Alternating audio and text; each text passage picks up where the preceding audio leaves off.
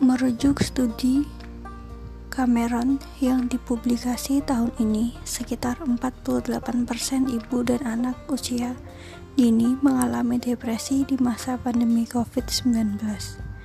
Data ini didukung studi lanjutan oleh tentang anak. Wadah edukasi, tumbuh kembang, dan kesehatan anak dengan melibatkan seribu responden yang merupakan ibu Indonesia. Hasilnya menunjukkan bahwa 4,5% dari mereka mengalami kecemasan tingkat sedang dan berat. Berdasarkan keterangan pada liputan 6.com baru-baru ini. Fakta tersebut merupakan alasan hadirnya gerakan ibu